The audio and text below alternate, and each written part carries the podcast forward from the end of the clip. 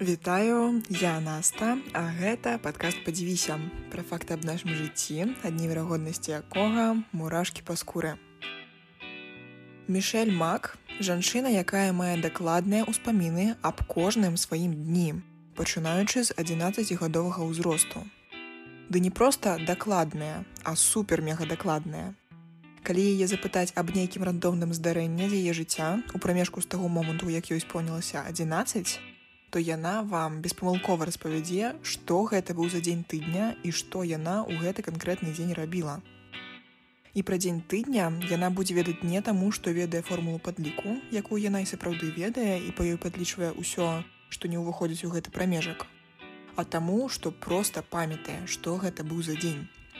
Згадзіцеся гучыць неверагодна, Але яшчэ неверагодней, гэта яе суперздольнасць зробіцца, калі я вам скажу, што Мішель нарадзілася толькі з адной правай паловай мозгу. Калі вы паглядзіце на здымак мозга Мішель са сканерам, то ўбачыце, што па правы бок знаходзіцца зусім звычайнае правае палушар'е. На здымку яно будзе бела-шэрым. А па левы бок пустэча, проста чорная пляма, з маленькім кавалачкам таго, што павінна цалкам было заняць гэтае месца. Мяркуецца, што падчас прэнатальнага развіцця штосьці заблакавала левую сонную артэрыю Мішель, якая забяспечвае крывёй левае палушар'е, і таму яно проста не сфарміравалася. Калі Мішель нарадзілася, урачы нічога незвычайнага не заўважылі. Ды нават сёння без сканавання мозгу немагчыма ніяк здагадацца, што ў немаўля адсутнічае цэлае полушар'е. Таму да самага моманту, пакуль не з'явіліся сканеры з добрай якасцю выявы, то бок да чацвёртага года жыцця Мішель, зразумець нічога нельга было. Так што няўжо такі Мішель, жанчына ў левай палове чэрапа якой проста пустэча, нічым не адрозніваецца ад людзей з двума паловамі мозгу сапраўды адрозніваецца. Звычайна за ўсю нашу правую палову цела адказвае левае полушар'е і за левую палову цела наадварот правая. Так вось у мішель, у якой няма левага полушар'я, правае запясце крыху выхілена і скрыўлена. Але ўсё роўна яна здольная ім карыстацца. Яе правую ногу падтрымлівае спецыяльная шына. Увесь правы зрокавы прастору мішель гэта сляпая пляма. Затое яе слых, верагодна, як кампенсацыя гэтых быццам бы недахопаў развіты вельмі вельмі моцна. Яна здольная чуць, знаходзячыся ў сябе ў пакоі, што гавораць бацькі на кухні ў іншай палове дома. Але, вядома, за гэтую яшчэ адну суперздольнасць Мішель плоціць і суперкошт. Вельмі часта апынюшыся ў шумных абставінах у аўтамабільным заторы, напрыклад, ці ў царкве ёй становіцца жахліва і яна накрывае вушы рукамі, каб пазбегнуць сэнсорнай перагрузкі. То бок яе суперслых робяць яе звыш датклівай да слыхавых сэнсорных стымулаў. Такі вось медаль ад двух баках. Акрамя таго, у Мішель ёсць складанасці з абстрактным мысленнем. Яна не разумее абстрактныя рэчы, гэта прыказкі налігорыі ну напрыклад сэнс словаў жыхарам шклянага дома кідацца камнямі не трэба. Для няе недасягальная таямніца. Але чытаць і пісаць яна здольная. Дарэчы лічыцца што абстрактнымі рэчамі займаецца менавіта правае полушар'е тое з якім у мішель усё добра Таму справа тут можа быць у тым, што яе правая частка мозгу ахвяравала некаторымі функцыямі, каб узяць на сябе асноўныя справы адсутнага левага полушар'я. Але ж згадзіцеся, нават па гэтым прыкметам, не ведаючаму чалавеку здагадацца, што ў мішель ёсць толькі палова мозгу немагчыма. Так, яна жыве з бацькамі, ёй часам патрэбная дапамога іншых людзей. Але ўсё ж такі тое, што мішель жыве і жыве цікавае актыўнае жыццё, сведчыць аб тым, што ў выпадкі гэтай жанчыны палова мозгу не раўно палова псіхікі. Той цуд, які мы бачым на прыкладзе мішель, гэта цуд нейрапластычнасці. Гэтым тэрмінам каротка магчыма апісаць тое, як яе правае полушар'е ўзяло на сябе асноўныя функцыі левага.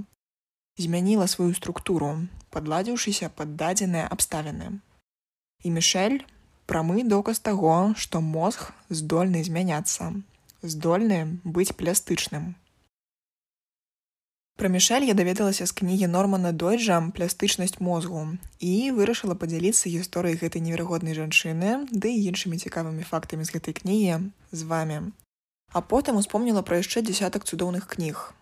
І зразумела што не пагутарыць пра іх я проста не змагу І таму я вырашыла час ад часу паміж звычайнымі выпускамі на нейкую абмежаваную тэму рабіць і выпускі прысвечаныя нейкай канкрэтнай кнізе. Гэта будзе штосьці тыпу агляду навукова-папулярнай кнігі, з якога магчыма будзе зразумець яе агульны настрой, тэму, а яшчэ там будуць тыя факты, якія мяне ў адметнасці закранулі. Як вам такая ідэя? Мне сапраўды будзе цікава даведацца, што вы думаеце пра такую невялічкую змену. Таму пераходзьце па спасыльцы ў апісанні ў тэлеграм-канал падкаста і пішыце, як вы ставіцеся да такога новага фармату. А яшчэ і каментары пішыце, я вельмі вельмі люблю бачыць вашу зваротную сувязь. Таму актыўнічайце, пакідайце свае пажаданні, прапановы ды да завагі таксама. Мне будзе цікава пачуць вашыя думкі. Усё, звернемся да нашага нормана дойджа і плястычнасці мозгу. Увогуле, гэтая кніга проста цудоўная рэч, калі вы жадаеце падчас чытання сядзець з шырока расплюшчанымі вачыма і з незачыніваючымся ротам.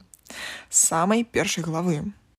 Бо пачынаецца яна з гісторыі жанчыны з пашкоджаным вестыбулярным апаратам, якая з-за гэтай праблемы вымушаная кожную хвіліну свайго жыцця бавіць з адчуваннем таго, што яна кудысьці падае. З-за гэтага без перапынку віхляць, гойдацца і ў выніку ўсё ж такі сапраўды падаць. А потым у жыцці гэтай жанчыны з'яўляюцца навукоўцы, зацікаўленыя ў тэме плястычнасці. Яны падораць ёй спачатку некалькі хвілін, потым некалькі гадзін, потым некалькі месяцаў, а потым і ўсё жыццё без пачуцця страты зямлі пад нагамі. І зробяць яны гэта, на мой погляд проста геніяльным чынам. Разумеючы, што вестыбулярны апарат жанчыны больш свае функцыі выконваць не жадае, яны знойдуць іншы варыянт маршруту для сігналаў аб знаходжанні цела ў прасторы. Праз язык. Яны зробяць так, каб з дапамогай дадатковай прылады язык жанчыны крыху калола з правага боку, калі яна нахіляецца ўправа, з левага ўлева і гэтак далей. То бок падчас карыстання гэтым прыстасаваннем язык жанчыны замяняе ёй вестыбулярны апарат. Дзеля гэтага патрэбна, каб мозг цяпер успрымаў вестыбулярныя сігналы ад органа, якія з гэтымі сігналамі аніякім чынам не звязаны. То бок зараз замест звычайнага шляха ад рэцэптараў языка да часткі кары апрацоўваючы сігналы аб смаке, рэцэптары языка чамусьці знаходзяць зусім іншы шлях і посылаюць свае сігналы ў частку кары адказную за раўнавагу. І гэта яшчэ адзін прыклад нейраплястычнасці. Яшчэ цікава, што калі жанчына здымае свой апарат з языка, яна ўсё яшчэ некаторы час пасля здольная не страчваць балянс. І цікава гэта тым, што тут таксама ў грунце ляжыць нейраплястычнасць, але зусім іншага чыну. Тут ужо адбываюцца нейкія змены ў тых вестыбулярных цэлях, якія ёсць у жанчыны, якія зусім крыху, але здольныя працаваць. Падчас выкарыстоўвання апарата гэтыя цэлі быццам бы навучаюцца працаваць правільна, падладжваюць сваю працу і потым гэты эфект ад навучання доўжыцца некаторы час. І ў гэтым выпадке таксама адбываюцца змены ў нервовых цэлях. Дарэчы, менавіта такім чынам вестыбулярныя цэлі жанчыны і навучылі пасля працы з дапамогай працаваць і самастойна, без апарата ўжо ўвесь час. Дзеля гэтага павінны былі ўзмацавацца некаторыя нейронныя шляхі, сувязі паміж нейкімі канкрэтнымі нейронамі. А гэта і ёсць нейраплястычнасць. Яшчэ вось адзін вельмі добры прыклад нейраплястычнасці быў у главе культура і ператварэнні мозгу і ў гэтым прыкладзе распавядалася пра марскіх цыган. Зараз я вам зачытаю урывак. Марскія цыгане гэта меланезійская этнічная папуляцыя, засяляючая групу трапічных выспаў недалёка ад заходняга ўзбярэжжа Таіланду. Гэта качавы народ мораплаўцаў. Яны вучацца плаваць яшчэ да таго, як пачынаюць хадзіць. І палову свайго жыцця бавяць у лодках у адкрытым моры, дзе яны нярэдка нараджаюцца і нярэдка паміраюць. Іх дзеці ныраюць на глыбіну да 9 метраў і робяць гэта стагоддзямі. Навучыўшыся зніжаць частаць сардэчных скарачэнняў, яны здольныя заставацца пад вадой ў два разы даўжэй за большасць іншых плывуноў. Яны робяць гэта ўсё без аніякага спецыяльнага рыштунку. Прадстаўнікі аднаго з плямён сулу збіраюць жэмчуг на глыбіні большай за 23 метры. Аднак з пункту зрока нейрапластычнасці нам тут цікава тое, што марскія цыгане здольныя дакладна бачыць на гэтых глыбінях без акуляраў для плаўвання ды без маскі. Большасць людзей дрэнна бачыць пад вадой, бо калі сонечны свет праходзіць праз ваду, адбываецца яе скрыўленне ці праламленне, у выніку чаго ён не трапляе на патрэбнае месца сятчаткі вока. Шведская даследніца Ганна Гіслен вывучала здольнасць марскіх цыган чытаць плякаты пад вадой і даведалася, што ў них гэта атрымліваецца ў два разы лепей, чым у еўрапейскіх дзяцей. Марскія цыгане навучыліся кантраляваць памер сваіх вокавых лінз і, што яшчэ істотней, памер сваіх зрэнак, змяншае іх на 22 адсоткі гэта дзіўнае адкрыццё, бо пад вадой зрэнка чалавечага вока рэфлекторна пабольшваецца. Ды да таго ж лічыцца, што рэгулёўка яе памера ўяўляе сабой прыроджаны рэфлекс, кантралюемый мозгам і нервовай сістэмай.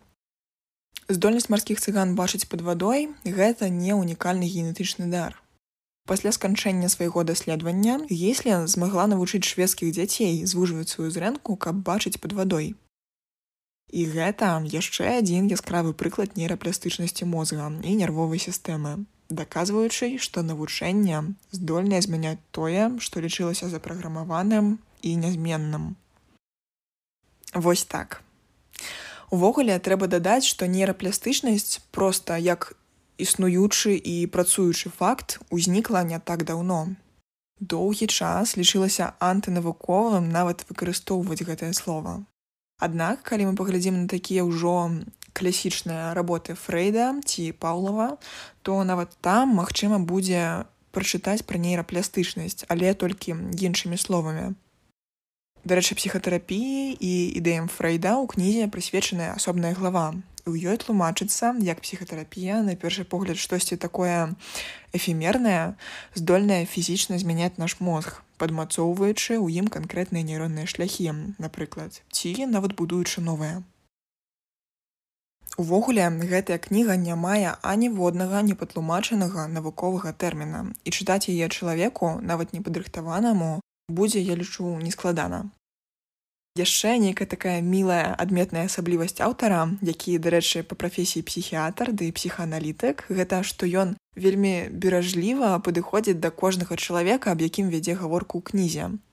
Калі гэта нейкі пацыент ці пацыентка напрыклад ён акрамя асноўнай праблемы надае і вялікую ўвагу і знешнасці і ўнутранаму свету чалавека то бок з кожным героем з кожнай гераіняй чытаць знаёміцца як з сапраўдным аб'ёмным чалавекам Мне вельмі падабаецца гэтая дэталь у кнізе. Ну, як вынік магу абагуліць, што шчыра раю вам пачытаць пластычнасць мозгу. У гэты выпуск не ўвайшло нават і дзясятай часткі ўсіх цікавостак з гэтай кнігі. Таму, калі вам цікава даведацца пра тое, як з дапамогай ведаў пра нейрапластычнасць магчыма зрабіць так, каб сляпы чалавек быў здольны бачыць, чаму візуалізацыя рухаў здольная мацаваць цягліцы, як магчыма пазбаўляць чалавека ад фантомнага болю, як ахвяры інсультаў пры дапамозе практыкаванняў здольныя амаль звярнуцца да перадінсультнага стану і шмат шмат шмат яшчэ чаго, то гэтая кніга для вас. Яшчэ трэба дадаць, што сумленна кажучы, я не ведаю, ці жыва на сённяшні дзень мішель з пачатку нашага выпуска. Я не знайшла аб ёй аніякіх звестак, ні сацетак, нічога, апрача артыкулаў розных тыпаў. Таму не бяруся гаворыць, што Мішель зараз існуе.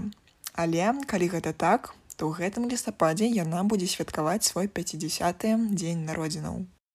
Яе гісторыя лічу тое, што пакідае след на ўсё жыццё. І для кожнага сэнс гэтага следу будзе свой асабісты. Для мяне вось гэта ў першую чаргу пра тое, якая неверагодная, незразумелая, моцная і дзіўная рэч наш мозг на якія вялікія змены здольная гэтая частка нас якая яна асабістая і аўтэнтычная як увогуле неверагодна што гэтая рэч існуе менавіта ў такім выглядзе у якім існуе Але самае галоўнае гэта як шмат мы не ведаем, ды нават не ўсвядомлюем. Гэта сапраўды вау. Аднак жа ўсе гэтыя характарыстыкі гэта не толькі пра мозг, бо ён не нейкі асобны арганізм, але менавіта пра кожнага яго ўладальніка ды ўладальніцу. Але ж пакіну вам свабоду паразважаць пра гэта самім. Ну і напэўна на сёння ўсё. Дзякую вам за праслух, яшчэ раз нагадаю што мне будзе вельмі вельмі цікава бачыць вашу зваротную сувязь ну і пачуемся